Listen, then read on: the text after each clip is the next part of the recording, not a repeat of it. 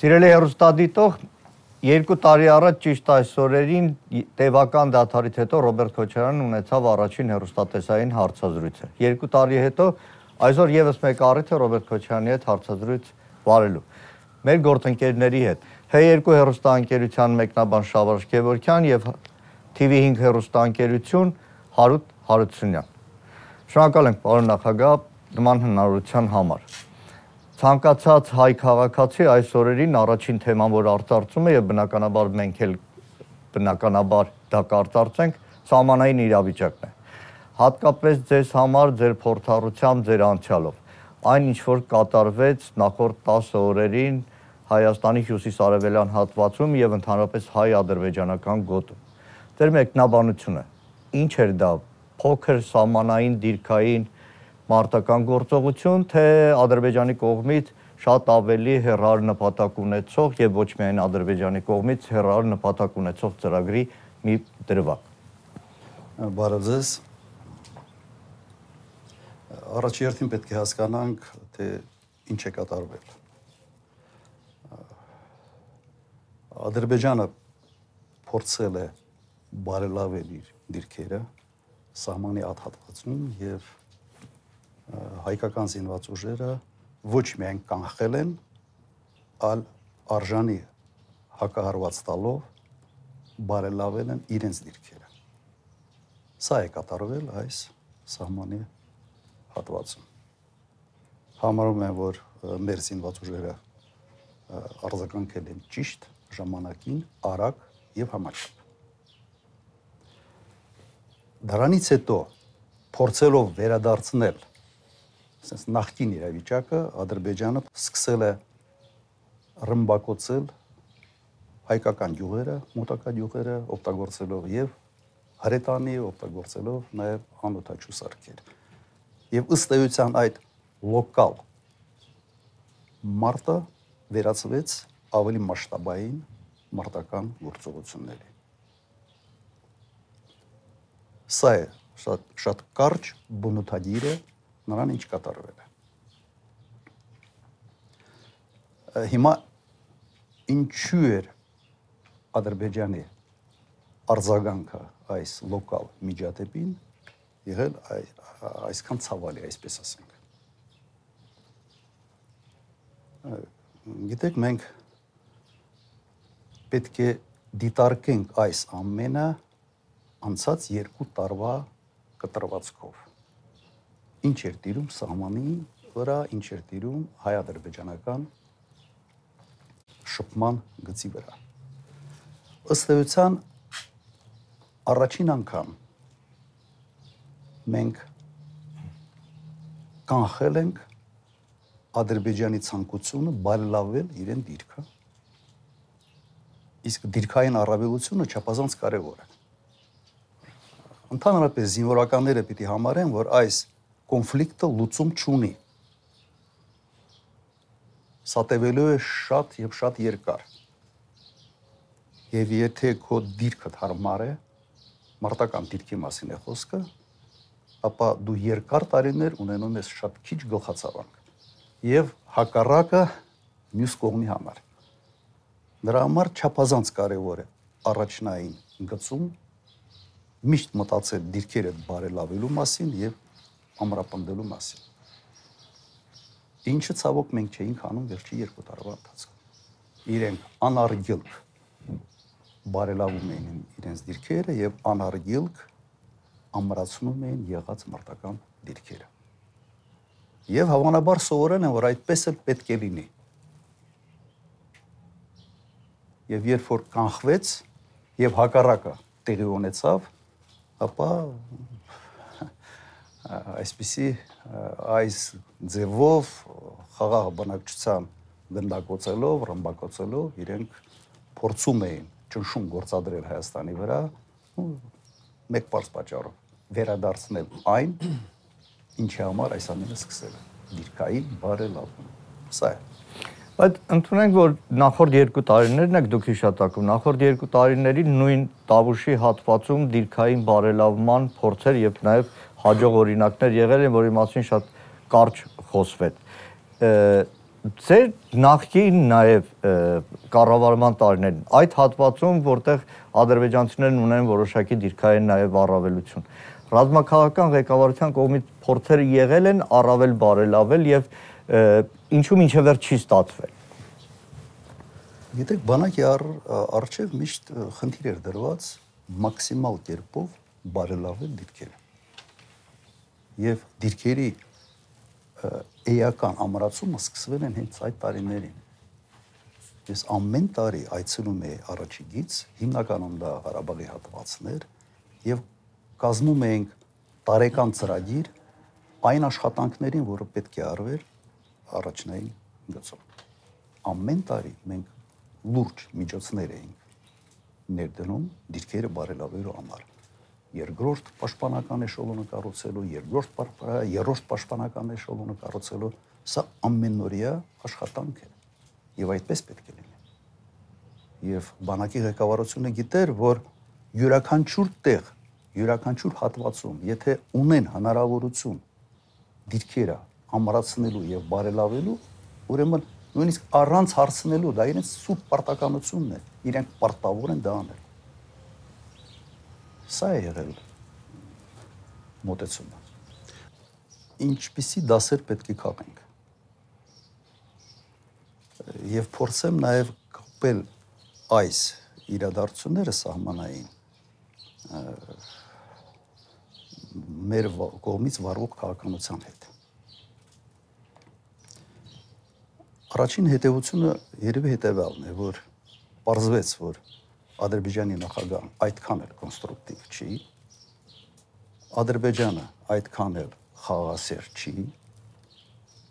եւ Ադրբեջանի ժողովուրդը այդքան էլ պատրաստ չի խաղացան։ Որտեղ մեր հանրությանը ինչով են կերակրում։ Հատկապես Դուշանբեից հետո, որ ունենք շատ կոնստրուկտիվ տրամադրված հակառակորդ, որի հետ բանակցում ենք Եվ եթե հանկարծ իրենք չգնան հարցի կարգավորման խաղաղ ճանապարհով, ապա մենք կդիմենք Ադրբեջանի ժողովրդին։ Չէ, այդպես էր։ Հիմա ինչ մնաց այս երկու տարում որթեգրված մոտեցումից։ Հիմա դուք ինձ ասեք, մի բան մնաց, թե չմնաց։ Նույնիսկ պատերազմի ժամանակ 91-94 թվականներին այսպիսի բախումներ հայերի եւ ադրբեջանցիների միջև Մոսկվայում կամ Միացյալ Նահանգներում երբեք չեն եղել։ Ուրեմն մենք պետք է ֆիքսենք հիմա երկու չափազանց կարևոր փաստ, որ մենք ունենք այսօր ոչ միայն ռևանշի ձգտող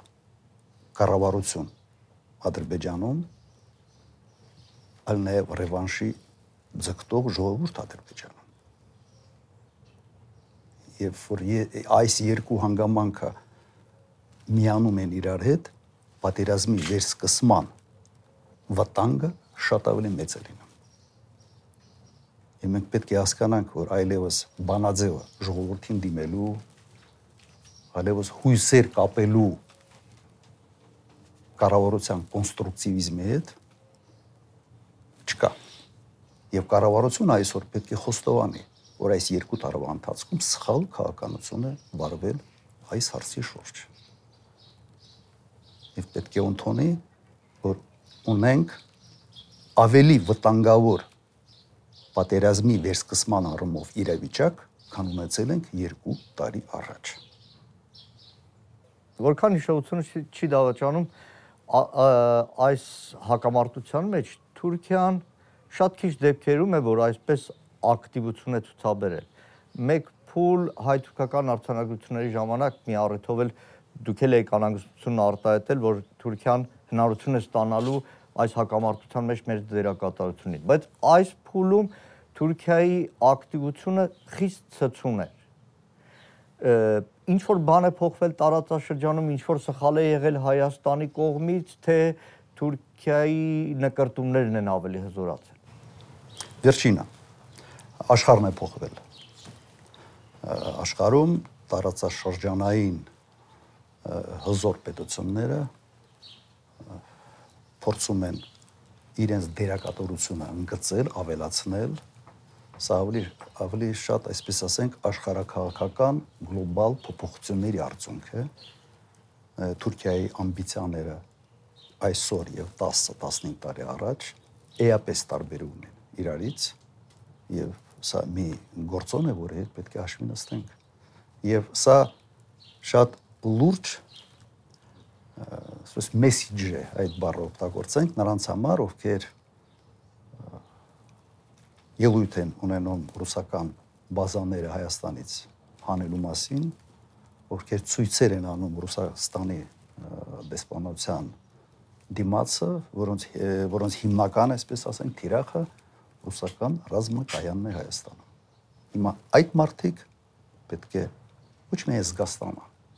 պետք է հասկանան, թե ինչի հետ է դա կապված եւ ինչ հետևանքներ կարող է լինել Հայաստանի համար, եթե Ռուսաստանը ներկայացված չլիներ Հայաստանում ռազմական բազայով։ ՆԱՏՕ-ի ամենից մեծ բանակն է Թուրքիայի բանակը։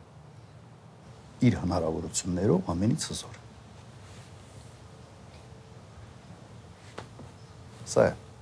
Թուրք-ադրբեջանական զորավարժությունները անմիջապես Հայաստանի սահմանային հատվածով։ Մի խոսքով զգալի քանակի զենքի, զինտեխնիկայի կൂട്ടակում հենց մեր սահմանի մոտ։ Կա կարծիք, որ ադրբեջանա-թուրքական զորավարժությունները դրանք Հայաստան ներխուժման փորձ են լինելու, որոնք այսօր մեկնարկել են եւ տևելու են մինչեւ օգոստոսի 10-ը։ Հնարավոր է նման բան։ Ուժի ցուցադրում է անկասկած եւ զգուշացում է անկասկած որ կարող է լինել նաեւ այսպիսի զարգացում եւ ընդհանրապես նման կարգի մասշտաբային զորավարժությունները դա այսպես ոչ միայն զորավարժություններ են զորավարժությունների համար այլ լուրջ քաղաքական ազդակ է տարածաշրջանի բոլոր երկրների համար չեմ կարծում որ դա կարող է վերածվի ներխուժման, բայց այն հանգամանք, որ քեզ ուղակի ասում են, որ սա հնարավոր սցենար է,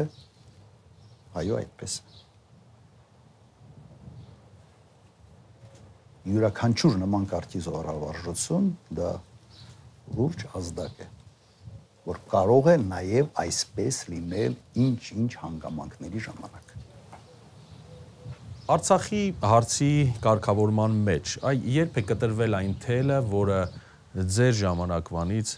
այսպես եկել է բանակցություններում որ բաղադրիչն է, որն այժմ բացակայում է, որը այժմ դուք չեք տեսնում եւ որից դուք հնարավոր է անհանգստանում եք։ Նայեք 88 թվից ի վեր մենք Արցախի հարցի կարգավորումը դիտում էինք ազգերի ինքնորոշման սկզբունքի հիմքի վրա։ Սա էր Արցախի հարցի ուսման բանաձևը։ Եվ այս ամբողջ ընթացքում Ադրբեջանը միշտ փորձել է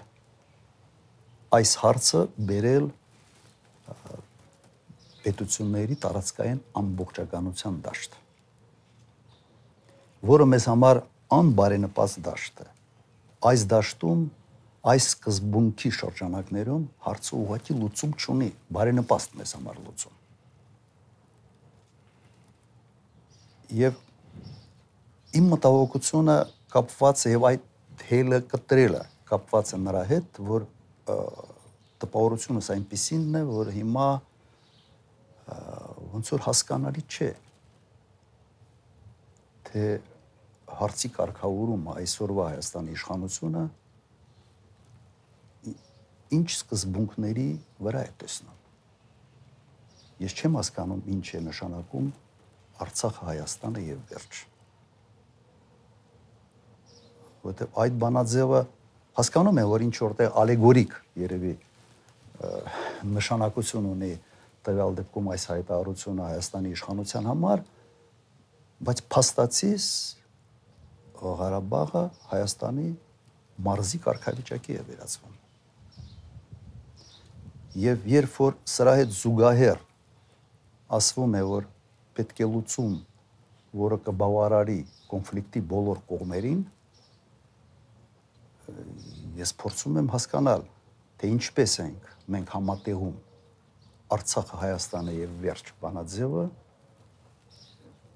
այն լուծման հետ, տարբերակի հետ, որը կարող է բավարարել կոնֆլիկտի բոլոր կողմերին։ Ես չեմ գտնում այդ երկու, այսպես ասենք, բանաձևը որտեղ են հատվում։ Եվ խնդրեմը սրա մեջ է։ Եվ կարծում եմ հենց այդ թելն է կտրել տրամաբանված հետևողական Ղարաբաղի հարցի կարգավորման բովանդակությունը։ Ուսում չկա այսօր։ Ակնհայտ է, որ Ադրբեջանը որևէ կերպ չի կարող հրաժարվել, չի հրաժարվում Ղարաբաղից, այսպես ասենք, Ադրբեջանի եւ իշխանության եւ հանրության ներկայացների կողմից որևէ հայտարարություն նման հույս չի տալիս։ Իդեպ ես 88 թվից չեմ լսել որևէ ադրբեջանցու հայտարարություն առայն որ վերջը Ղարաբաղը կարող է նաև ինքնորոշվել, կարող է ինքնուրույն պետականություն ունենալ։ Չի եղել այդպիսի դեպք։ Հիմա այդ բանաձևերը նոր, այսպես ասենք, իշխանության կողմից առաջ քաշված բանաձևերում կամ պետք է Ղարաբաղը հրաժարվի անկախության գաղափարից կամ Ադրբեջանը պետք է համաձայնվի Ղարաբաղի անկախության հետ։ Չկա ոչ նա, ոչ այն։ Ես ոչ Ադրբեջանում եմ տեսնում այդպիսի մտադրություն, ոչ Ղարաբաղում եմ տեսնում այդպիսի մտադրություն։ Հիմա հարց է առաջանում։ Ինչ սկզբունքների շուրջ պետք է այս հարցը ստանայի լուծումը։ Իմ համար հասկանալի չէ։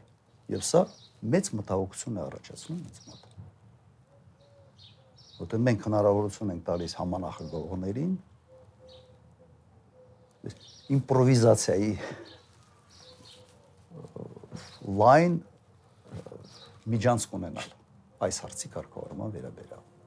Եվ իդեպ պատահական չի, որ վերակենդանացվեց ադրբեջանական համայնքի ներկայացուցիչ հանգամանք այսօր եւ Նաև իմ տպավորությամբ պատահական չի, որ Հայաստանի նոր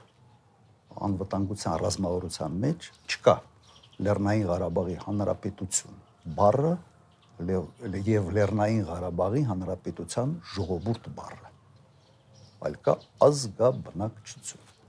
կամ բնակ բնակչություն եւ սա բավական հետարքիր ձևով կապվում է ադրբեջանական համայնքի ներկայացուցիչ, այսպես վերակենթանանալու հանգամանքի հետ։ Պատահականություն է սա, թե պատահականություն չէ։ Միգուցե պատահականություն է։ Բայց շատ մտահոգիչ, մտահոգիչ պատահականություն է, եթե դա այդպես է։ Այդ Հայաստանի իշխանությունը երկու տարվա ընթացքում շեշտը դնում է մի կարևոր գործոնի վրա։ Բանակցություններին պետք է մասնակցի Արցախի ներկայացուցիչը, եւ Հայաստանը որպես կողմ բանակցություններ չի տանի մինչեւ Արցախի ներկայացուցիչները բանակցությունների չմասնակցեն։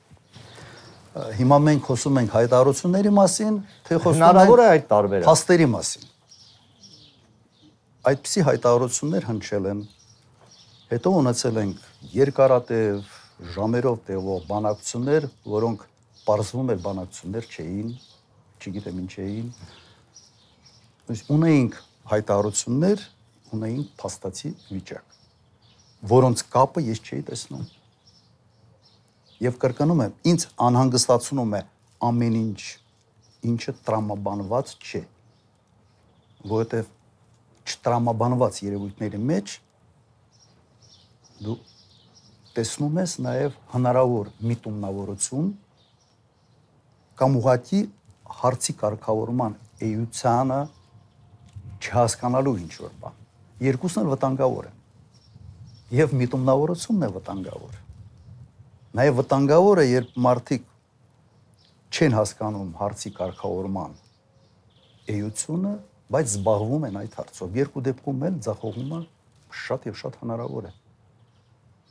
Մեր հերոստատիտողը կասեր լավ, բա վերջը ինչ է լինելու։ Դիցուկ, այս կետից ինչը պետք է փոխվի ըստ ձեզ ձևաչափեր, շեշտադրումներ, թեզեր, որ հնարավոր լինի ձեր հիշատակած ինքնորոշման իրավունքի այդ մեր ռազմավարության առաջ մղման։ Ուղղակի պետք է կարդալ Լեռնային Ղարաբաղի հանրապետության անկախության հրճակագիրը։ Եվ բոլոր քայլերը բանակցային գործընթացում պետք է բխեն այդ հրճակագրից։ Որովհետև Ղարաբաղի հանրապետության ձևավորման իրավական հիմքերը անխոցելի են։ Իրականում անխոցելի են։ Գիտեք, ամեն ինչի համար ինչ որ հիմք է պետք, դու ինչի վրա ես հենվում քո քայլերի մեջ։ Եթե այդ հիմքերը չկան, կամ եթե օրեկան դու նոր ինչ որ մի հիմք ես գտնում, կամ դու ավելի շատ մտավարժանքների արդյունքում ինչ որ փորձում ես օրիգինալ բաներ ասել, որոնք հարցի էության հետ որևէ աղերս չունեն, դրա հետևանքները լավ չեն լինելու։ Կրկնում եմ, վերադառնանք հրճակագրին եւ բոլոր մեր քայլերը Ղարաբաղի կարգավորման շուրջ տեղավորենք այդ հրճակագրի շրջանակները։ Այդ դեպքում մենք երբեք խնդիրներ չենք ունենալու մենք ինքներս իրար չենք հակասելու։ Մենք այսօրվա մեր քայլերում չենք հակասելու 3 տարվա առաջվա քայլերին։ Մենք լինելու ենք հետևողական, հասկանալի եւ կանխատեսելի։ Պարոն նախագահ, հիմա երբ որ այս խճճած իրավիճակի առջև են կանգնած եւ կարծես թե բանակցությունները կանգ են առել, արդյոք անդառնալիության կետը անցել են եւ ինչ է հարկավոր վերջապես հնարավոր է նորից հետ բերել հիմա ձեր ներկայացրած բարձաբանով հնարավոր է նորից հետ բերել շտկել եւ նորից նստել բանակցությունների սեղանի շուրջ Իհարկե հնարավոր է չեմ կարծում որ հնարավոր է հետ բերել առանց կորուստների կորուստների բանակցային դիրքերում որոշ ես նաև կորուստ եմ համարում ժամանակի կորուստը որովհետև որոշ ժամանակ մենք պետք է ծախսենք բանակցային գործընթացը ճիշտ կետերին վերադարձնելու համար, բայց հնարավոր է։ Եվ ամենից վտանգավորը այս պահին ասել որ այլևս հնարավոր չի։ Սենց հետ դարձը եւ ստիպված պետք է շարունակենք այն ճանապարհով, որով այսօր գնում ենք։ Եվ իմ տպավորությամբ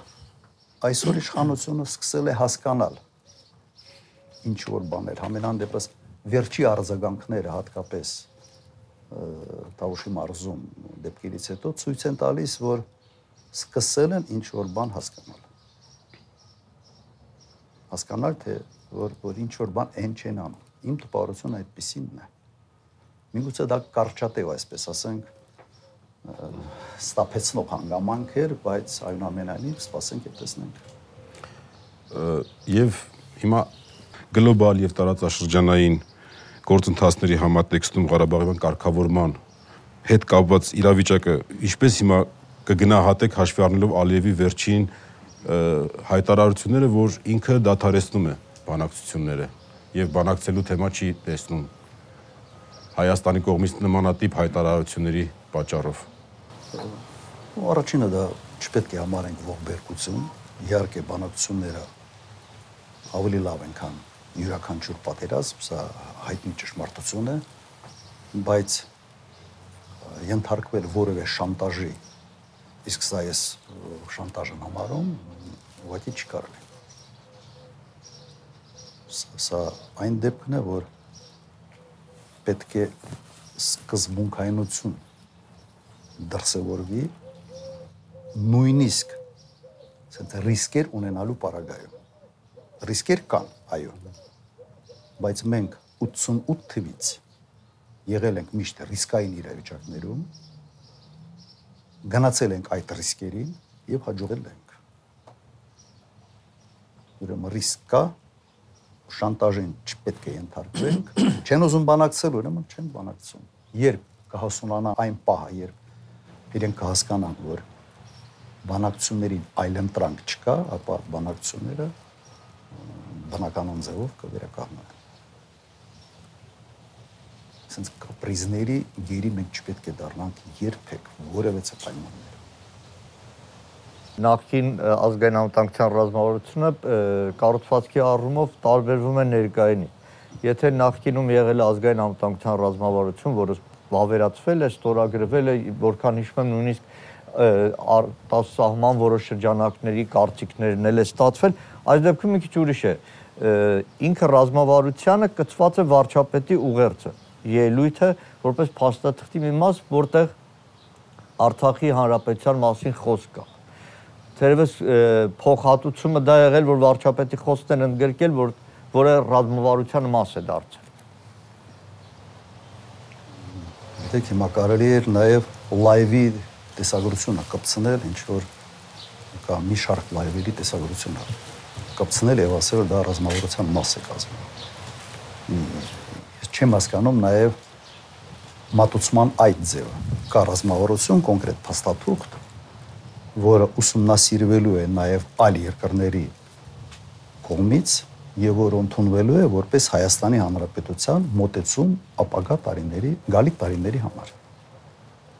Հիմա թե ինչ են կցել հետը, ինչ ելույթ, ում ելույթ, դա արդեն էական չէ։ Փաստաթուղթը այն է, ինչ որ կա եւ որ ունի վերնագիր։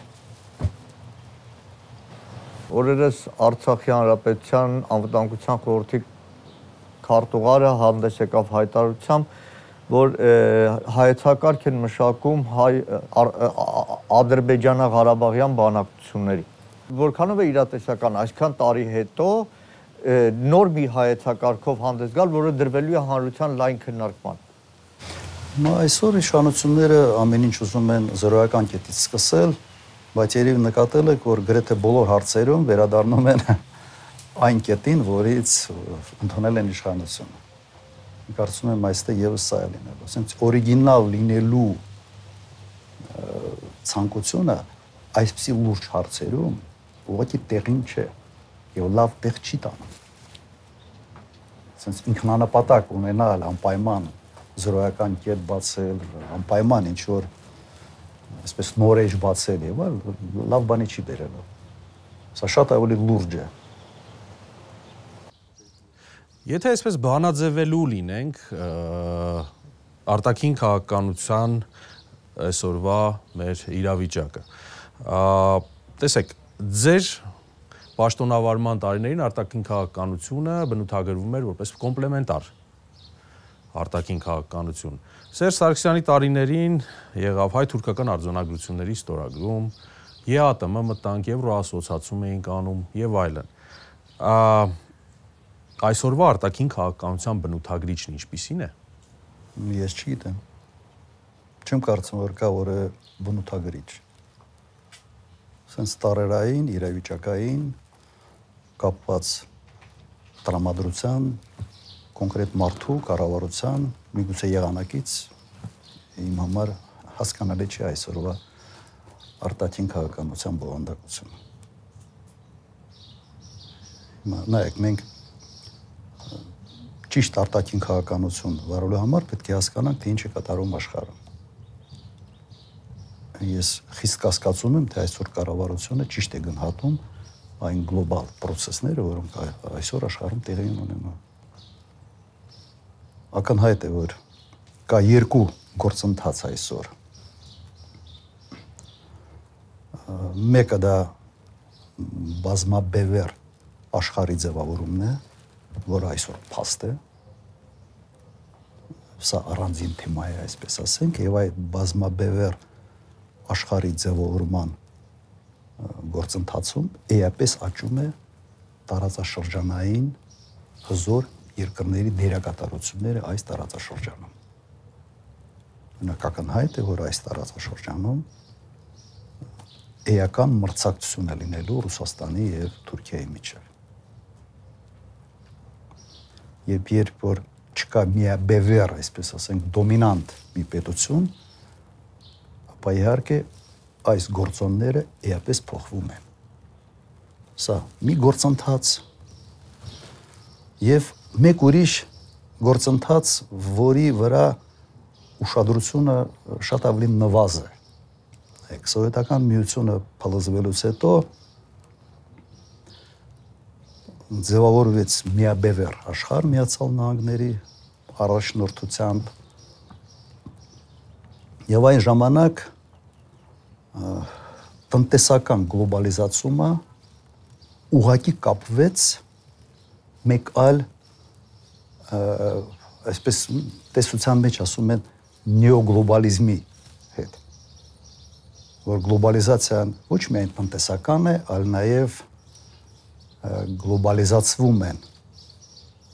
արժեքային համակարգը, գլոբալիզացվում է անխուսափելիորեն, այսպես քաղաքակրթական եւ մշակութային տարբերությունները։ Այսպես ասենք աշխարհի հոլիվուդացում։ Ես նույնիսկ տերմին եմ օգտագործում աշխարհի սորոսիզացիա, այսպես ասենք ստե խոսքը Սորոսի մասին չի, ինքը ուղղակի սենց ավելի շատ փոխհարաբերական իմաստով սենց անունը կպնում է, բայց այդ ուժերը շատ ավելի լայն են։ Եվ հսկայածավալ գումարներ է ծախսվել հազարավոր հկներ ստեղծելու ուղությամբ, որոնց հիմնական նպատակն է եղել այդ գլոբալիզացիայի, այսպես հանրության համաշխարհային հանրության գլոբալիզացիայի վրա այդ թեզը առաջ տանելու ուղղությամբ հիմա այդ տրենդը փոխվել է հիմա մարդիկ համարում են որ քաղաքակրթական եւ մշակութային բազմազանությունը այս մոլորակի ուժն է եւ եւ այս սա մեկ այլ արժեք է որի համար պետք է պայքարել որ ազգային յուրահատկությունը չես կարող հանել որևէ ազգից։ Դա ինքնության հարց է եւ այսօր եթե նայենք ամբողջ աշխարհում կա շատ հետաքրքիր մեկ նոր տրենդ։ Հենց նման ազգային արժեքների համար պայքարելու տրենդ։ Եվ առաջատարները այս գործընթացում այսօր Չինաստանն եւ Ռուսաստանը որոնք ունեն քաղաքակրթական մեծ ներուժ, որոնք ունեն շատ հզոր մշակույթ եւ որոնց ինքնության մեջ իրենց մշակույթը եւ իրենց պատմությունը չափազանց մեծ դեր է խաղում։ Հիմա այսօրվա իշխանությունը իշխանության մեծ մասը եկել են այն հկներից, որոնք ձևավորվել են այդ գլոբալիզացման, այսպես երկրորդ տրեկից, այսպես ասենք, դից են եկել իրենք կառավարություն եւ այդ քաղաքականությունն են դեր վարում։ Եվ մեզ հիմա ամբողջ երկիրը տանում են այնտեղ, որտեղից բոլորը հիմա փախնում են։ Եվ այս վեճերը ազգային արժեքների մասին, եկեղեցու նկատմամբ վերաբերմունքի մասին, որոնք տարբեր ազգերի այսպես ինքնության չափազանց կարևոր բաղադրիչն են, սա են փորձում հանել մեր մշակույթից, մեր կրթական ծրագրերից հասկացաք մենք մեզ տանում են մի տրենդի մեջ, որը այսօր մարվում է եւ որից ուրիշներ այսօր փախնում են։ Նույնիսկ եվրոպական բոլոր ընտրությունների արդյունքներում մենք տեսնում ենք, որ ազգային ուժերը էապես բարելավում են իրենց դիրքերը խորհրդարաններում կան երկրներ, որոնք այդ ուժերը արդեն կառավարող ուժեր են։ Հիմա սա ուղակի պետք է կապել արտաքին քաղաքականության հետ։ Այս երկու բաղադրիչի ես, որի մասին ասացի։ Հիմա եթե այս երկու գործոնները ճիշտ չենք հասկանում, ապա մեր արտաքին քաղաքականությունը քաղաքականության ուղղությունն է անհասկանալի։ Դրա համար եմ ասում, որ ես չեմ հասկանում ուր են գնում եւ ինչի համար։ ինչ հերանեկար ենք տեսնում։ Մի քիչ շատ բարթացրեցի այս հարցը, թե հասկանալի է։ Բացարձակ, շատ པարս եւ շատ անկալելի է շատ։ Ասենց ես ես այս այն մոտեցումը գիտեք, այսպեսի նույնիսկ ինքս որոշակի ասենց տերմիններ եմ իմ համար սահմանել ազգերի փոխարեն ոնց որ ինչ որ սորոսական սուրոգատ ստեղծելու ինչ որ գործընթաց էր։ Հասկանում եք։ Հիմա սա էր, հիմա մարդիկ ենթադրում է որ մարդիկ անկեղծ հավատում էին որ սա է աշխարհի ապագան։ Բայց այս ճոճանակը հիմա հետ է գնում եւ այդ հետ գնալու պարագայում մենք դեռ մնում ենք մնում ենք հակառակ ուղղության մեջ։ Սա լուրջ վերագնահատման կարիք ունի Հայաստանում։ Եվ բոլոր մարդիկ, ովքեր մտահոգված են մեր ազգային արժեքներով, մեր մեր ինքնությամբ, պետք, պետք է պայքարեն սրա համար։ Բարոն նախագահ, 7 ամիս է արդեն աշխարհը պայքարում է կորոնավիրուսի դեմ։ Մեզ մոտ էլ այդ պայքարը կարծես թե կա, կարծես թե չկա, բայց մեր մոտ պայքարը կարծես հիմնականում սահմանափակվում է դիմակակրությամբ, հա որպես եւ եւ կարծես վիճակը ինքնահոսի թողնված վիճակում ենք հայտնվել որպես ճգնաժամային կառավարման փորձ ունեցող նախագահ ինչ կարծիք եք որտեղ ենք թույլացել ինչ չենք արել կամ ինչ պետք է անեին որ չեն արել ներկայիս իշխանությունները նայեք մենք ունենք սահման 4 երկրի հետ։ Երկուսը փակ է։ Վրաստանի հետ ունենք ընդամենը մեկ անցակետ։ Մյուս երկիրը Իրանի հետ մեկ անցակետ, մյուս երկիրը Վրաստանն է, որտեղ կորոնավիրուս գրեթե չկա։ Հիմա որտեղից հայտնվեց այս ամենը Հայաստանում։ Գիտեք, սա մի վիճակ էր այդ սահմանների փակ լինելը մասնակի շրջափակման հանգամանքը վնաս է հասցնում մենք մեր տնտեսությանը գրեթե բոլոր ոլորտները մեկտեղ մենք կարող ենք շահել համաճարակի պայմաններում շատ ավելի հեշտ էր երկիրը փարկել եւ խուսափել այս վիճակից։ Դա էլ չստացվում։ Այն միակ դեպքը, երբ մեր մասնակի շրջափակումը կարող էր առավելություն դառնալ երկրի համար չաշխատեց։ Գիտեք 5 ամիս արտակարգ իրավիճակ երկրում։ Համեմատում ես թվերը այն երկրների հետ, որոնք ոչինչ չեն արել ընդհանրապես, օրինակ Բելարուսի հետ Մեր մոտ շատ ավելի վատ է, քան Բելարուսում։ Հիմա հարց է առաջանում։ Մեր կառավարության ձեռնարկած քայլերը ուր են մեզ բերել։ Ինչի է մեր մոտ վիճակը ավելի վատ, քան այն երկրում, որտեղ ընդհանրապես ոչինչ չեն արել։ Սա մի հարց է, որի պատասխանը ես ես չունեմ, դուք ունեք։ Ընդամենը 500 քանի մահ Բելարուսում եւ մոտ 4000 չէ մոտ 60 քանի հազար դեպք, որը 10 միլիոն բնակչության հետ եթե ասենց համեմատենք, ապա շատ ավելի բարոյ է, քան Հայաստանի իրավիճակը։ Մոտ 38-39000 դեպք եւ 900-ի մոտ մահ։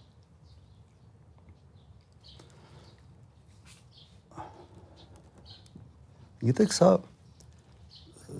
այս հարցի պատասխանը ես չունեմ։ Որտեվ սա մի հարց է, ավելի հեշտ է ասել, թե ինչ արվել, թե ավելի հեշտ է ասել, թե ինչ չի չի արվել։ Առաջինը իրավիճակի գնահատումն էր սխալ հենց սկզբից։ Նախապատրաստական աշխատանքները գրեթե չի արվել ընդհանրապես։ Իրար հակասող որոշումներ իրար հակասող հայտարարություններ պաշտոնյաների կողմից։ Այն սխալ մեսիջները, որը ուղղվում էր հանրությանը։ Դիմակ գրեք, հետո չգրեք, հետո օգնում չի օգնում, անցկերը դիմակի ինչ որ վիրուսից մեծ են, փոքր են, ույս զավեշտալի ինչ որ երևույթներ, որոնք վիճակի լրջության հետ որևէ կապ չունեին։ Եվ ամենից անընդունելին իմ համար փորձն է մեղադրել ժողովրդին դիմակ չկրելու մեջ։ եւ գիտեք նույնիսկ որոշ մարդկանց մոտ ես հարցազրույցներով եմ նկատում մարդկանց մոտ ինչ որ կոմպլեքս է առաջացնում դե մենք անկազմակերպած ենք դե իհարկե մենք ենք մեղավոր ժողովուրդն է մեղավոր sense չի լսում կառավարությանը ես հասկանում եմ որ հայերը աշխարհի ամենից ամենից կազմակերպված եւ ամենից կարկապահ ոնց ազգը չենք բայց ես չեմ համեմատում մեզ գերմանացուց հետ կամ ավստրիացիների հետ գերմանախոս այսպես ասենք ազգերի հետ ես համեմատում եմ մեզ օրինակ հույների եւ վարացիների հետ որոնց հետ մեր կենցաղային մշակույթը շատ մոտիկ է իրենք էլ մեզ նման սիրում են քեֆեր, բարեկամություն, հարսանիքները ավելի ճոխ են անում, քան մենք։ Թաղումները նույնիսկ շատ հերավոր բարեկամներին պարտադիր պետք է գնան, Վրաստանում պանիխիդան 3-4 օր է տևում։ Միայն պանիխիդա։ Եվ երբ որ համեմատում ես մեր թվերը Վրաստանի եւ Հունաստանի թվերի հետ, ուղղակի ապշում ես։ Վրաստանում 16 մահ, եթե չեմ սխալվում, մոտ 1100 հիվանդության դեպք, Հունաստանում մոտ 4000 դեպք, մոտ 200 քանի մահ, 10 միլիոն բնակչության պարագայում, մոտ 11 միլիոն։ Ոչ հույները, ոչ վրացիները մեզանից ավելի ավելի կարկապահ չեն։ Շատ մեզ նման են ինչի ենք մենք այս վիճակում։ Կարող եք ինձ բացատրել։ Եվ իրենց մոտ սահմանները բաց են։ Տուրիստների քանակը շատ ավելի մեծ է։ Հունաստանում դա 20 միլիոնից ավել, Վրաստանում միլիոններ, անգամներով ավել, քան Հայաստանում։ Պաճառը մեկն է։ Ձեռնարկված քայլերը եւ կառավարման արդյունավետությունը ուրիշ բացատրություն ուղղակի չկա։ Եվ չպետք է մենք անընդհատ մեր ժողովրդին ասենք դու ես մեղավոր, դու ես մեղավոր։ Ու գիտեք մի մի մի բան իմ համար ընդհանրապես հասկանալի չէ։ Երկու ամսում ավելի շատ մարդ են տուգանել, քան իմ կառավարման 10 տարիների 10 տարում։ Այդքան մարդ չեն տուգանել։ Եվ ինչի համար դիմակ գրելու համար բայց խոսքի տակ են գլխին ժողովուրդ մեզ ձեզ սիրում եք, մենք ձեզ սիրում ենք։ Մի սիրի, բայց ճիշտ կառավարի, որ 900 հոգի չմեռնեն։ Կամ եթե սիրում ես, մի խոսա դրա մասին, ճիշտ կառավարի։ Հիմա թող այդ սիրված, այսպես ասենք, ասֆալտին փռված հպարտ քաղաքացին ինքը մտածի, թե ինչու է երկիրը այսպես հազնել կամ ինչի է վստահել այս կառավարությանը։ Թույն եք մտածել։ Որոնք ասում են դու ես մեղավոր, որ 900-ի մահացել են։ Ուղղակի անընդունելի եմ հա, համարում եւ սա անհարգալից վերաբերմունք է ուղղակի սեփական ժողովրդի նկատմամբ։ ինչի համար է կառավարությունը վաղը տնտեսական անհաջողությունների մեղքն ենք բարթելու ժողովրդի վրա, ասելու են գլխից է գալիս, տեղից է գալիս, մեկ ուրիշ տեղից է գալիս։ Հիմա սա ոչ է։ Վաղը պատերազմ լինի հանկարծ խնդրահարույց ինչ որ բաներ լինեն, յուրաքանչյուր ոլորտում բարձր է մեղավոր։ Իհարկե ժողովուրդն է, մեր սիրած ժողովուրդն է մեղավոր։ Որովհետև անկազմակերպ է։ Իդեպ կազմակերպվածության տեսանկյունից ես համոզված եմ, որ հարավային Կովկասում մենք ամենից կազմակերպված ազգ ենք։ Իդեպ մենք հաճախ ենք հարցումներ անում փողոցներում մեր լրագրողները եւ ակնհայտ երևում է որ վատատեսության ավելացում կա, վատատեսությունը ավելանում է։ Եվ եթե վիճակը այսպես շարունակվի եւ ավելի վատատեսությունը մեծանա, ինչ երկեր կան այս վիճակից դուրս գալու համար։ Ինչ պետք է արվի։ Հələ դուք չեք զարմանա, եթե այս վիճակում լավատեսություն ավելանար։ Վերջ վերջ կոնկրետ հիմքեր կա, թե ինչի է մարդկանց մոտ ավելանում լավատեսությունը կամ վատատեսությունը։ Արիք չկա լավատեսություն ունենալու համար։ Հիմա ձեր հարց թե ուր է տանելու սա։ Տանելու է դեպրեսիվ հասարակությանը։ Հուսահատ ապագայի նկատմամբ թերահավատություն ունեցող հասարակությանը։ Իսա ուղղակի ազդելու է ամեն ինչի վրա։ Մեր տնտեսական ցուցանիշների վրա։ Դու վատ տրամադրված, այսպես ասենք, պեսիմիզմով, ասենց լծված հասարակությունը չի կարող ստեղծագործող լինել, չի կարող լուրջ արդյունավետություն ցույց տալ։ Տնտեսության մասին, պարոն նախագահ, 98-ից 2006-ի սոցիալ-տնտեսական հաջողությունները մեր երկրում մինչև այս պահը կարծես չեն կրկնվել։ Չկրկնվեմ հնայի շեշտակի աճ, շինարարական բում եւ այլն, դուք եք այդ ամենի գլխին կանգնած եղել ավելի լավ քան դուք որևէ մեկը չգիտի։ Ձեր կարծիքով չեն կրկնվել այդ հաջողությունները, որտեվ հնարավոր չի եղել, Եվ միանգամից մի հարց էլ, արդյոք հնարավոր է հիմա էլ դա կրկնել։ Ես հետևում եի երկրի տնտեսական իրավիճակին նաև պաշտոնավարումից հետո։ Իմ տպավորությունը այնպեսին էր, որ եթե չլիներ իշխանապողությունը 18 թվի, մենք 18 թիվը կփակեինք երկնիշ տնտեսական աճով առաջի երամսյակը երկնիշ էր, եթե չեմ սխալվում 10-ի 17 կարծեմ 10-ից մի քիչ ավել 13 13 եւ արդեն երևում էր որ ինչ որ երկիրը մտնում է մի հնարավոր փուլի մեջ տնտեսական երկնիշի մոտ, այսպես ասենք, երկնիշի շուրջ կարող է լինել 9%, 10, 11% աճի։ Բայց այս ամենը կաղնեց առաջի հերթին իմ համոզմամբ դա կառավարման խնդիր է։ Թիրախներ ընտրելու տնտեսական քաղաքականության։ Ընդհանրապես կառավարությունը իր քայլերով կարող է խարախուսել ներդրումները, կարող է սպանել ուղղակի ներդրումային քաղաքականությունը։ Եվ այսօրվա վիճակը ես երկու մասի կբաժանեի այն խնդիրները, որոնք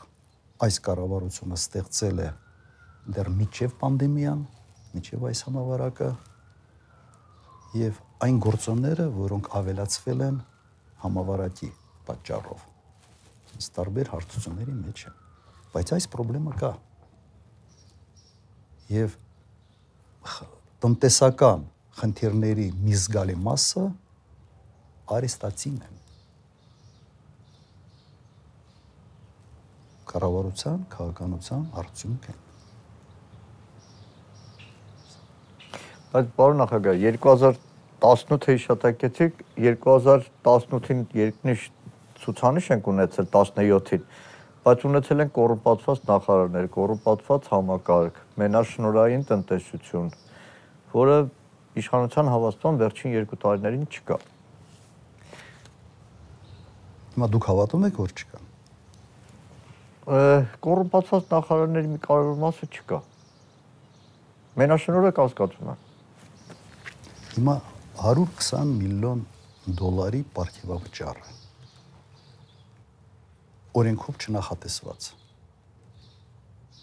Ուղղակի թևերը ասած քաշած բյուջեի մեջ մխարճված 120 միլիոն դոլար դոլարի չափով ապարքեվավճար։ Դա կոռուպցիա է, թե կոռուպցիա չի սենց ակնհայտ բյուջեից գողությունն է։ Հիմա կա թե չկա։ Համավարակի տնտեսական ասպեկտով վերադառնալով նախ որ ասում եք դեր ժամանակ տուգանքները քիչ են, դեր ժամանակ արագաչափեր չկային ուղղակի։ Չէ, ես միայն արագաչափ չեմ ասում։ Ընդհանրապես, եթե երկու ամսում ավելի շատ են մարդ տուգանում, քան 10 տարում այն ժամանակ, վերջի իսկապես էս այս ժողովուրդը մեղք է։ Տուգանքները դարձել են մի մի պատուհաս ամեն ինչի համար։ Ինչ է նշանակում փողոցում քաղաքացուն դիմակ ինչ որ սխալ գրելու համար, կնոջ կամ դիմակ չկրելու համար, այսպես սիրված քաղաքացուն պետք է տապալեք ասֆալտին, ձեռնաշխտաներով տանեք։ Երիտասարդ աղջկան, դա ինչ ձև է։ Հիմա թող այդ մարդը մտածի։ Եթե ինքը համարում է, որ ինքը արժանի է դրան, շատ բարի ապրի այդպես։ Ուրեմն ես օրեկան պետք է տուգանեմ։ Եթե ձայնդ եթե չես բարձրաձայնում այս ամենի մասին։ Եթե քեզ տուգանելու ինչ որ մատերիալ ես սարքում, այդպես են հիմա լարագորողները նաև բնութագրում այս իրավիճակը։ Պարոն նախագահ, տնտեսական հաջողությունների մասին խոսելիս չասեցիք հնարավոր է ելի կրկնել այդ հաջողությունները, թե ոչ։ Իհարկե հնարավոր է։ Իհարկե հնարավոր է։ Չեմ հասկացում, որ հնարավոր է բայց Գեղամի կեսատ թողեցին Գեղամի հարցը։ Համավարակի տնտեսական բաղադրիչի մասին. Իշխանությունը պարտանում է այսքան միլիարդ դրամ այս այս այս ծրագրերի մեջ եմ ներդրել, որ արդեն խճճում ենք, որ թի որ ծրագիրն է։ Կար մի տեսակետ ընդդիմության կողմից, որ ուղակի կանխիկ գումարով պետք է բնակչությանը բաժանվի փողը, որն իշխանությունը ասում էր ուղակի կմսխեմ եւ դրանից օգուտ չեմ ստանա։ Դուք որ կառավարման կառավարությունը ղեկավարել եք տարիների փորձ ունեք որքանով էր այս երկու սխեմաներից ավելի արդյունավետը, որն էր ավելի արդյունավետը եւ արդեն մի քանի ամսվա հետահայացով ինչ արդյունք ունեցա։ Անեք, եթե դու արդյելել ես աշխատանքը, փակել ես, դու պարտավոր ես մարդկանց վճարել։ Ոտի պարտավոր ես։ Դրա համար երկու բաղադրիչներ պետք է օգտագործել։ Մեկը միանավակ օգնություն, դա կարող միանավակ ասելով այնքան ամիսներ ինչքան այդ խնդիրը գոյություն ունի։ Եթե մարդ չի աշխատում, աշխատավարձ չի ստանում, ուրեմն պետք է այդ գումարը ստանա։ Եվ չպետք է այնպիսի պայմաններ դնել, որ մարդիկ չհասկանան ով պիտի ստանա, ով չպիտի ստանա։ Վերջ այդ ստանողները միլիարդատեր չեն եւ այն գումարը չի, որի համար դու դու մտնես ինչ որ sense մանր մանր բաների մեջ։ Եվ կա այդ փորձը նաև այլ պետություններում։ Այո, պետք է մարդկանց օգնել եւ կան ճյուղեր բիզնեսի, որոնց ուղակի այսօր պետք է փրկել։ Այն ամեն ինչ կապված է туриզմի հետ պետական աջակցության լուրջ կարիք ունի։ Չափազանց լուրջ կարիք։ Այդ ուղղությամբ ոչինչ չի արվել։ Երբ որ ինչ որ 18, 19, թե 20 ինչ որ ծրագրի մասին են խոսում, եթե նայում ես ամեն մի ծրագիրը, ոլորտային օգնություն հոգի գոյություն չունի։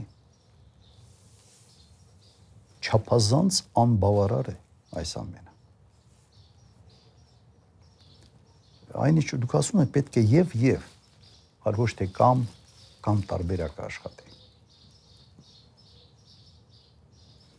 Իմ տպավորությամբ առաջինը պանդեմիան այսպիսի ազդեցություն չպետք է ունենար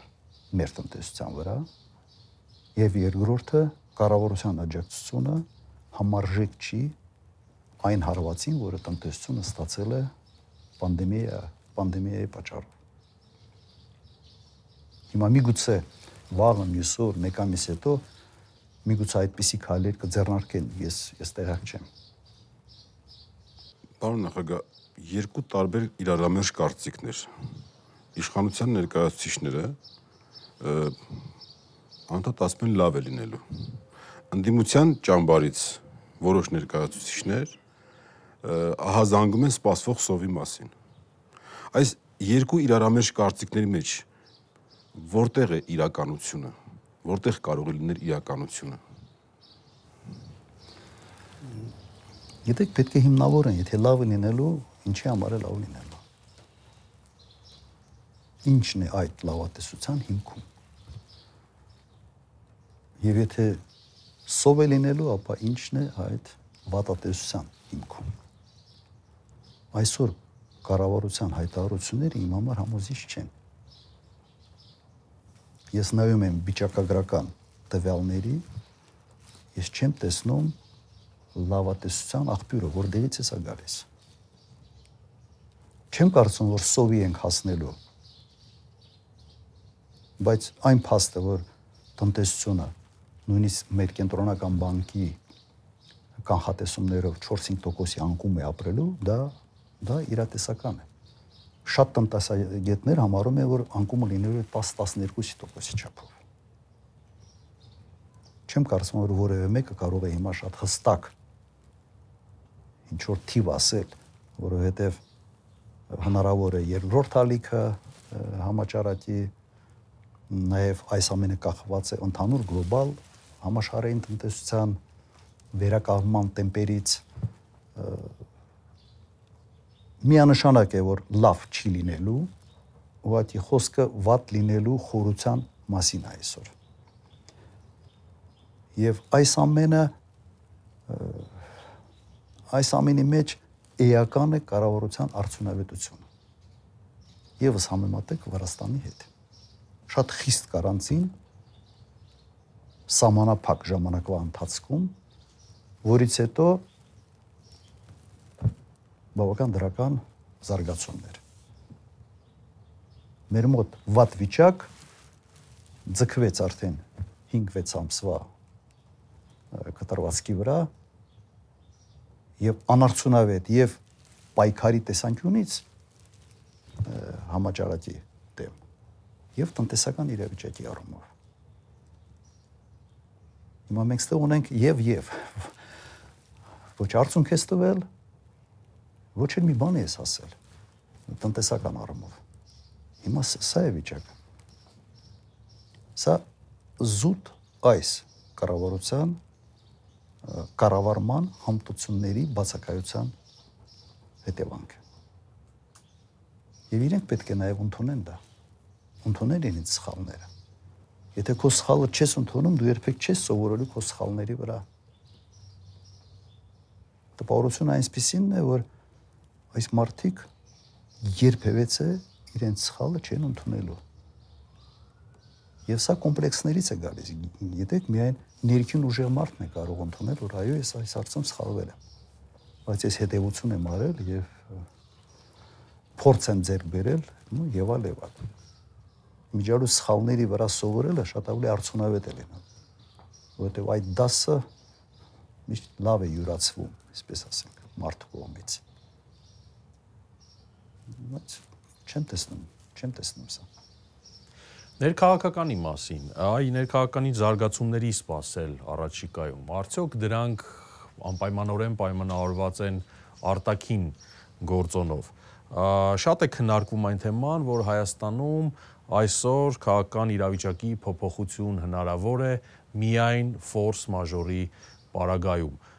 Դա էլ կարծես եղավ ֆորս մաժոր ինչ որ պատերազմ եք դուք դուք ինիկացիա որևէ ֆորս մաժոր հա եթե որևէ ֆորս մաժոր ավելի լայն կոնտեքստում իսկ տնտեսական անկում օրինակ 5-10%-ով դա ֆորս մաժոր է թե ֆորս մաժոր չի իսկ եթե կառավարությունը տվել է բազմաթիվ խոստումներ եւ որևէ մեկը դրանից չի կատարել։ Դա քաղաքական ֆորս մաժոր է, թե ֆորս մաժոր չի։ Մեկ հարց է էйֆորիայի պարագայում, երբ որ մարդիկ ասենց բավարար adekvatությամբ չեն գնահատում իրավիճակը եւ մեկ ուրիշ հարցը, երբ մարդիկ ավելի սառը վիճակում, սառը դատելով ուղղակի փորձում են գնահատել իսկ այս կառավարությունը ինչ արել երկրի համար, ինչ արել մեզ համար, ժողովրդի համար։ Հիմա մի մի քանի ուղղակի նայեք, թրիշկաձև տնտեսական աճ։ Ուր է այդ աճը։ Նույնիսկ միջև պանդեմիային նախատեսում էին բյուջե մոտ 5% տնտեսական բյուջեը 5% տնտեսական աճ։ Դա է թրիշկաձև աճ։ Տնտեսական երկրի տնտեսության կառուցվածքի փոփոխություն։ Դա եղել է հիմնակարերից մեկը։ Հիշում եք այդ խոստումը։ Հիմա նայեք տնտես տնտեսության կառուցվածքին։ Այսպիսի ինտենսիվությամբ ընտերքը երբեք Հայաստանում չի շարժվել։ Մեզ խոստացել են ճիշտ հակառակը, որ ավելի գիտատար, ավելի բարձր, ավելացված արժեք ստեղծող ոլորտներն են պետք է զարգանան, նաև sense թվայնացում եւ այլ եւ այլ եւ այլ։ Մենք ինչ ունենք։ Ունենք անխնա ընտերքի շահագործում։ Խոսում էին ներառական տնտեսության մասին։ Հիշում եք հիմնա, հիմնական թեզը սա է։ Թեզերից մեկն էր նույնիսկ այն ժամանակ Աջեմօղլուի մասին էին խոսում, որ պետք է հարավիրենք, որովհետև այդ ներառական այդ տերմինը նաև ոնց որ չեմ սխալվում, հենց Աջեմօղլուի կողմից էր ներդրվել տնտեսագիտության մեջ։ Ամենանդեպս ինքը շատ է կիրառում իր կիրառում այդ տերմին իր աշխատանքներում մենաշնորների դեմ պայքար այսօր մենաշնորները միայն ավելացել են փոքր միջին բիզնեսը այսօր ազատ անկման մեջ է ուղղակի համատարած փակվում են համաճարակի հետ կապված պայքարը ուղղակի ձախողվել է հիմա ինչ խոստումն են կատարել կոռուպցիայի դեմ պայքարի մասին մենք խոսացինք ուղղակի կոռուպցիայի ձևն է փոխվել պարզվել է որ պետք չի բյուջեից գողանալու համար ինչ որ սխեմաներ մտածել բարդ սխեմաներ կարելի է ուղղակի շատ հանգիստ պարտիավաճառի ձևով բյուջեն մսխել։ Ասում են ինչ որ 100 միլիոն դոլար ենք հետ բերել։ Ես կարդում եմ բյուջեն եւ բյուջեի այն տողում, որտեղ պետք է երևա այդ հետ բերած գումարը, ուղղակի չկա։ Մի քանի միլիարդ դրամ է։ Այլ եկամուտներ չի երևում։ Միգուցե հետ են բերել բայց ոչ թե բյուջեալ։ Ուր են ուր են հետ բերել, ես չգիտեմ։ Ոտ իմ տպավորությամբ փոխվել է կոռուպցիայի ձևը։ Մի հատ նայեք հարազատներ, խանամիններ, չգիտեմ, խավոր սանիկներ, ինչպիսի կապեր կա այսօր խորհրդարանում, կառավարության, ընդհանրապես գործադիր իշխանության շրջանակներում։ Ամեն քայլա փոխի վրա պետական ծառայության համակարգը ուղղակի զրոյացրել են։ Եվ այդ համակարգն էր թայֆայության դեմ պայքարի ամենից արդյունավետ միջոցը եղել։ Հիմա ձեր հարցի պատասխանը։ Երբ որ որևէ էական փոփոխություն չկար երկրում, երբ որ խոստումները չեն կատարվում, քաղաքական տեսանկյունից, հա ֆորս մաժորը թե ֆորս մաժոր չի տվյալ քաղաքական ուժի համար ամեն ինչ կարող է շատ արագ փոխվի, շատ արագ զարգացում ստանա։ Ոդի խնդիրը, այսպես ասենք, ընդդիմությունը ինչպես կվարվի, ընդդիմությունը կկարողանա իր խոսքը հասցնել հանրությանը կարողանա համոզել հանրությունը պատրաստ է մանիպուլյացիաների չենթարկվել այս իրավիճակում այդ ընդդիմությանը որակում են իբրև հին, օրինակ Բարգավաճ, Դաշնակցություն, Հայրենիք այդ երրյակը դեռ չձևավորված արդեն հիմքերը թուլանում են կամ թուլացվում են միգուցե եւ շեշտ է արվում նրա վրա, որ այլընտրանքը ահա հինն է։ Կառավարությունը եւ իշխող ուժը չի հասկացել, որ ինքը շատ լուրջ եւ ուժեղ ընդդիմության կարիք ունի։ Եվ ինչքան իրենք թուլացնեն այս ընդդիմությունը, այնքան իրենք լինելու են ոչ արդյունավետ։ Երկիրը ուժեղ ընդդիմության կարիք ունի այսօր։ Իմ տպավորությունը նաև գիտեք այս տուգանելու, մարդկանց ահաբեկելու, թեկուս փորձը փոքր միայնակ բողոքի ցույց անելու արգելքները գալիս են նրանից, որ իշխանությունը տեսնում է որ իրավիճակը վատանում է եւ փորձում էին գլխից թույլ չտալ որևէ քաղաքական ակտիվություն։ Եվ իմ մոտ հարց է առաջանում այս արտակարգ դրությունը ինչի համար է այդ քաղաքական հնարավոր գործընթացը կանխելու համար է թե համաճարակի դեմ պայքարելու համար է, որովհետև չի երևում, որ սա որևէ կերպ համաճարակի հետ կապ ունեցող արտակարգ դրություն է։ Քանի որ իրենք սկսել են sense 10-11 հոգով քայլելուց, իրենք մտածում են, որ թեկուզ մեկ մարդ sense մի հատ պաստառով քաղաքական պահանջով կարող է վաղ դառնա 10, մյուս օրը 100, 1000 ես կարծում եմ նաև ներքին մոտիվացիան հենց սա է. Թույլ չտալ որևէ քաղաքական զարգացում, որը կարող է լայնածավալ մասշտաբներ ունենալ։ Ուրիշ պատճառ ես այս ամենի մեջ ուղղակի չեմ տեսնում։ Նույնիսկ նայեք, եթե իմ տպավորությունը, որ այս համաճարակի առումով, եթե հատուկ sense որոշում կայացնեին, sense ամեն ինչ անենք, որ հնարավորին շատ մարդ վարակվեր, այսքան մարդ չէր վարակ։ Ինչի համար է 5 ամիս այս սահմանափակումների մեջ պահել այս ժողովրդի։ Պարոն նախագահ, իմ ձեռքում մի թուղթ է, որը թվագրված է 04-ը 10-րդ ամիս 2011 թվական։ Այստեղ հարցերի մի մասն է, համակարգից եմ հանել։ Այդ ժամանակ երկար փորձում էի համոզել ձեր գրասենյակի տնօրենի միջոցով հարցազրույց տալու նախնական եղավ համաձայնություն, հետո համաձայնությունը որ թիվն է 2011 11 չեն արգրավել համակարգիչը միջևս։ Չէ։ Չէ, մի քանի հատ ունեմ։ Եկեք, ուզում եմ ուղիղ հարցը տալ։ Ձեր նախագահության ավարտից հետո մինչև թերևս այս դեպքերը դուք շատ քիչ եք հանրային խոսքով հանդես եկել։ Այդ ամբողջ շրջանում եւ այն օրերի ընդդիմության կողմից եւ նաեւ որոշակի իշխանական շրջանակների կողմից པարզ Պարզ եմ ուզում ասել։ Եղել է հստակ թիրախավորում։ Ինչ որ եղել է մեղավոր Ռոբերտ Քոչարյանն է։ Շուրջ 10 տարի դուք չեք եղել հանրության մեջ։ Դուք չեք զգում, որ դուք դարձել եք միակ թիրախ եւ բոլոր մեղքերը այդ շրջանում բարթում են ձեր վրա։ Ինչի չէիք փորձում ինքնապաշտպանվել կամ արթարանալ կամ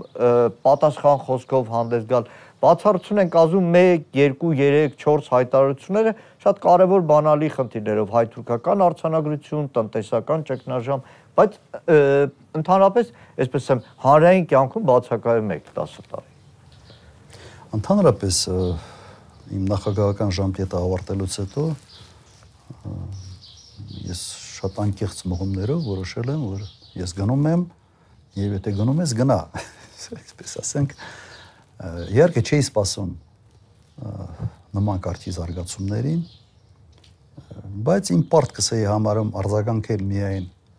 այն հարցերին, որոնք որոնց հետ ես համաձայն չէի եւ որոնք ունեին լայն հանրային հնչողություն։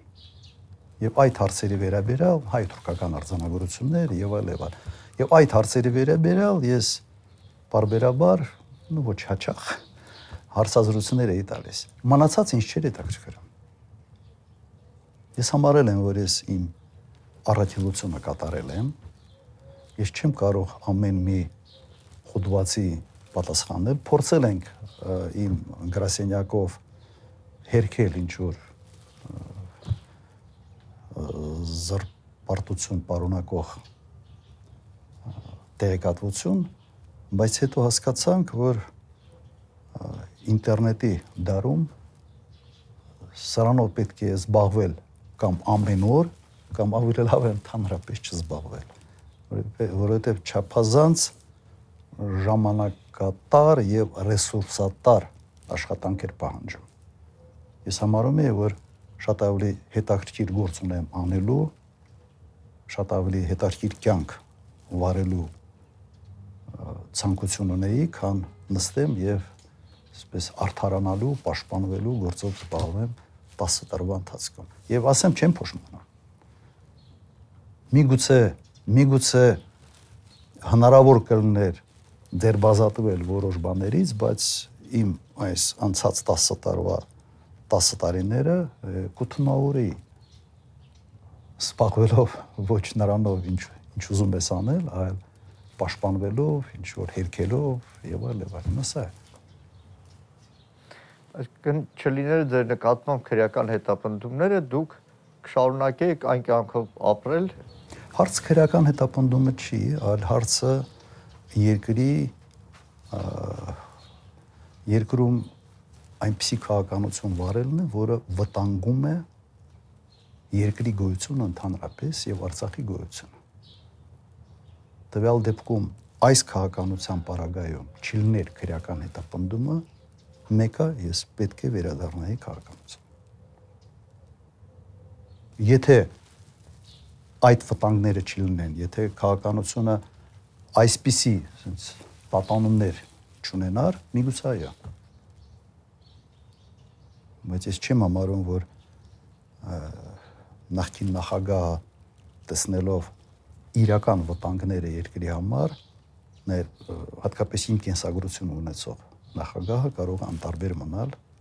որևէ կերպ չարձագանքել կամ չփորձել ինչ որ բան փոխել։ Սա է իմ մոտիվացիան։ Պարոն նախագահ, կոնսենսուս մինուս 1 բանաձևի հեղինակը դուք եք։ Մեկ տարի առաջ դուք այդ հնչեցրեցիք այդ բանաձևը եւ հիմա մեկ տարի հետը հայաց երբ որ նայում եք եւ ներկա վիճակը երբ որ վերլուծում եք ինչպիսի վիճակ է ընդդիմադիր դաշտում, հարաբերությունների մեջ, որքանով է դա կայացել կամ կայացման ճանապարհն է կամ կկայանա եւ արդյոք նպատակների հասնելու համար պարակված հասարակությունում հնարավոր է հանգեցնել կոնսենսուսի հասարակությանը օրակարգի վերաբերալ ես կարծում եմ սա արդեն կայացել է անդիմադիր ուժերի հայտարարությունները, եթե նկատել եք, նմանատիպ են։ Բոլորը հասկանում են, որ վիճակը գնալով վատանում է։ Բոլորը ընդունում են, որ իշխանությունը պետք է փոխվի։ Բոլորը հասկանում են, որ իրենք իրենց խոժար կամքով չեն գնալու եւ իշխանությունը փոխելու ճանապարհը դա հանրային զանգվածային ճնշումների միջոցով է կարող լինել։ Ուրեմն ըստ էության օրակարգը ձևավորված է։ Ունում է այս ամեն ինչի մեջ լուրջ կազմակերպչական աշխատանքով կազմակերպել այս գործը։ Եվ եւ կրկնեմ, սա սա ինքնա ինքնանպատակ էլ չպետք է լինի։ Սա նույն ընդդիմությունը պետք է անի հենց երկրի համար։ Եվ եթե կառավարությունը չփոխի իր աշխատավոճը, այս կառավարությունը լրջագույն խնդիրներ է ունենալու առաջիկայում։ Մենք ձեր խոսքում կար ոչ ընտրությունների, ապագա ընտրությունների միջոցով իշխանության ենթադրյալ փոփոխություն կամ քաղաքացու քվեով նոր իշխանության ձևավորում։ Արդյոք իշխանությունը իր հերթին է ասում, որ ժողովրդին վստահում է, հենց հիմա ես պատրաստ եմ նույն ժողովրդին փողոց անել, Արդյոք իրատեսական է թե մենք շատերը մի քիչ ավելի իրեն ամեն մեկ իր շրջանակում այդ դժգոհությունները հաշվի առնելով կարծում եմ որ հասարակությունը արմատական իշխանական փոփոխությունների ակնկալիք ունի։ Իսկ հասարակությունը ուղղակի այս ամենից ինքներին մեկուսացրել ամեն մեկն ապրում է իր առօրյա կյանքով եւ որքանով է մեր երկրի անվտանգության համար անվտանգ նորից խոսել իշխանության արագ փոփոխության մասին, չսպասելով նոր ընտրությունների, երբ որ ընտրություններում քաղաքական ուժերի պայքարը լինել։ Հիմա նայեք, երկու տարում ուր են հասցրել երկիրը։ Հիմա եւս 3 տարի սպասեն։ Տեսնեն ընդհանրապես ինչ վիճակում կարող են հայտնվել։ Դա դա չի նշանակում, որ անպայման լինելու է ասենց արտահերտ իշխանապողություն ամեն ինչ կապված է քաղաքական գործընթացներից իշխանության գործելավոճից արդյունավետությունից առաջերտին եւ ընդդիմության եւս գործելավոճից եւ եւս արդյունավետությունից ընդդիմադիր դաշտում աշխատելու առումով Իմ տպավորությամբ այսօր բոլոր հնարավոր սցենարները սեղանի վրա են։ Բոլոր հնարավոր սցենարները։ Բայց Ուկրաինայում 3 անգամ Մայդանով իշխանություն են փոխել։ մեր ժողովուրդը սովորել է, որ կարող է նաև փողոց փակելով իշխանություն փոխել։ Իսկ ինչի եք մտածում, թե այդ նույն ժողովուրդը սենց այս տուգանքներից, համավարակից, տնտեսական խնդիրներից չի կարող եւս որոշել, որ վերջի նույն ճանապարհով կարող է եւս մեկ անգամ իշխանություն փոխել։ Ինչի է բացառում այս տարբերակը։ Դրա համար եմ ասում, ես չեմ կարող այսօր ասել, որ անպայման դա կատարվելու է։ Եվ ոչ ոք չգիտի դա լինելու է թե ոչ, բայց այսօր քաղաքական սեղանի վրա դրած է ամբողջ այդ սպեկտրը. Հանրային զանգվածային բողոքներ, ճնշումներ, նաև փողոցներ փակելով, այն ինչ եղել է 18 թվականին։ Ինչ եղել է, ասենց ինչով արտահայտվեց ժողովրդի դժգոհությունը։ Եվ մի բան ասեմ, 18 թվականին դա կատարվել է երբ տնտեսությունը աճող տրենդի մեջ էր։ Առաջի երամսյակը 10%-ից ավել տնտեսական աճ կար։ 17 17 թիվը բավական լավ է փակել տնտեսական ցուցանիշների առումով աճող տրենդի վրա իշխանապողություն տեղի ունեցավ։ Հիմա անկման պարագայում այսպիսի ձախողումների պարագայում ինչի է բացառում այդ հնարավորությունը։ Ես կարծում եմ այդ հնարավորությունը ավելի մեծ է։ Մարդիկ ասում են, որ նույն երկու տարում նույն էներգիան չի կուտակվում եւ կարող է չի կուտակվում, բայց կարող է նաև կուտակվել։ Այդ պատճառով մենք պետք է ընդունենք, որ ամբողջ պայքարի սպեկտրը այսօր քաղաքական սեղանի վրա է։ Արտահերտ իշխանապողությունից միջև հերթական ընտրություններ։ Եվ ամեն ինչ կախված է թե ինչպիսի արդյունավետությամբ են աշխատելու կառավարությունը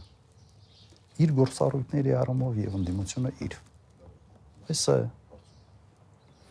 Ձեր իշտակած 2018-ի օրինակը ցույց է տալիս, որ ժողովուրդը սոցիալական խնդիրներով կարող է իշխանություն չփոխել, այլ շատ ավելի ուրիշ քաղաքական հարցերով։ Հիմա նայեք, եթե այդ քաղաքական հարցերին գումարվի նաև սոցիալական, հիմա դա ուժեղացնում է մոտիվացիան, թե չի ուժեղացնում։ Վերջապես այն ինչ խոստացել են, չեն արել։ Դրա համար ես կառաջարկեի նայել հենց հենց այսպես, որ բոլոր հնարավորությունները այսօր արկա են։ Թե ինչպես կզարգանա, չեմ կարող ասել։ Չեմ ուզում գուշակել այսպես կլինի, թե այնպես կլինի, որովհետև կախված է մի շարք այլ գործոններից։ Դուք ենթադրում եք, որ 18 թվականին եթե տրենդը տնտեսական անկում լիներ, իշխանապողություն չէր լինի, միայն զայրույթ կա ավելացներ երևի, չէ՞։ Ագրեսիան կա ավելացներ։ Հիմա այդպես է լինելու, եթե լինի։ Շնորհակալություն պարոն նախագահ։ Ձեզ շնորհակալություն։ Ձեզ շնորհակալություն վաղուց այսպիսի ֆորմատով հանդիպում լրատվամիջոցների հետ չեմ ունեցել։ Շնորհակալություն բոնդակային հարցերի համար եւ այս հարցազրույցի համար։ Լավ եղեք։